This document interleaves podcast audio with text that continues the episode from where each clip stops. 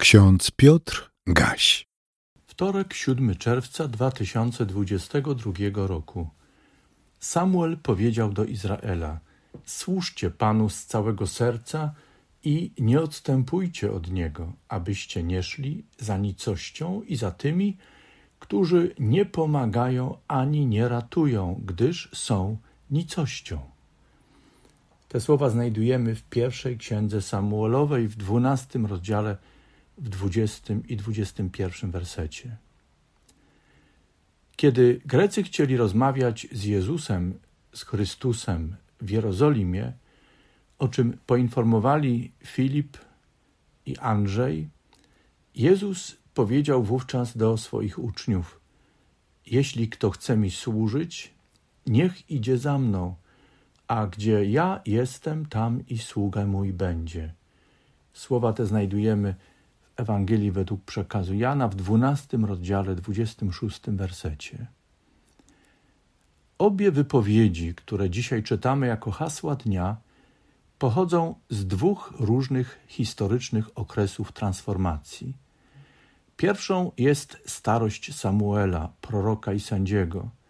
Jako sługa Pana przeprowadzał lud od systemu władzy sprawowanej przez dowódców, nazywanych sędziami, do nowego systemu władzy sprawowanej przez króla. Pierwszym królem powołanym przez Boga i namaszczonym przez Samuela, sługę Pana, proroka i sędziego, był Saul. Księgi historyczne Starego Testamentu przekazują, że o zmianę systemu sprawowania władzy poprosił sam lud. Spodobały mu się królestwa zorganizowane przez inne ludy. Prośba była kontrowersyjna, bowiem Izrael miał swojego króla i pana. Był nim Bóg. Zaś patriarchowie, a po nich sędziowie, władając, mieli pamiętać, że w swoich rządach podlegają jedynemu królowi i panu, którym jest Jahwe, Bóg. Patriarchowie oraz sędziowie w imieniu Pana przewodzili, rządzili i we wszystkim mieli być dobrym przykładem dla ludu, dla Izraela. Mieli być wzorem, zwłaszcza w okazywaniu wierności i posłuszeństwa Bogu, zaś ich istotą, istotą ich władzy miała być opieka nad ludem. W niej lud miał dostrzegać opiekę samego Boga, ich Boga i Pana. Kiedy więc Samuel zestarzał się, starsi Izraela poprosili Samuela, aby powołał im króla.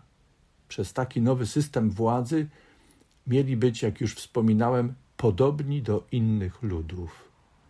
Ich prośba była jednak swego rodzaju wyrazem niezadowolenia z tego, co wcześniej Bóg czynił dla ludu przez patriarchów i sędziów. Dostrzegł to Samuel i nie podobała mu się prośba starszyzny. Czuł się zraniony. Wtedy Pan rzekł do Samuela, cytuję, Wysłuchaj głosu ludu, ludu we wszystkim, co mówią do ciebie, gdyż nie tobą wzgardzili, bym nie był królem nad nimi. Zachęcam do zajrzenia do ósmego rozdziału pierwszej księgi Samuelowej. Czytamy tam także przestrogę Pana o jakże znaczących zmianach w życiu ludu spowodowanych powołaniem króla na wzór monarchów sprawujących władzę nad innymi znanymi im ludami. Mijał czas. Samuel obserwował przebieg transformacji. Nadal pełnił służbę proroka i sędziego. Jako sługa Pana przypominał ludowi: Nie bójcie się Wprawdzie popełniliście wszystko to zło, lecz przynajmniej nie odstępujcie od Pana, a służcie Panu z całego serca. Nie odstępujcie od Niego, nie odstępujcie od Niego do nicości, które nie mogą pomóc ani wyratować, gdyż są nicością. Czytając o tamtej transformacji, wniosek jest następujący.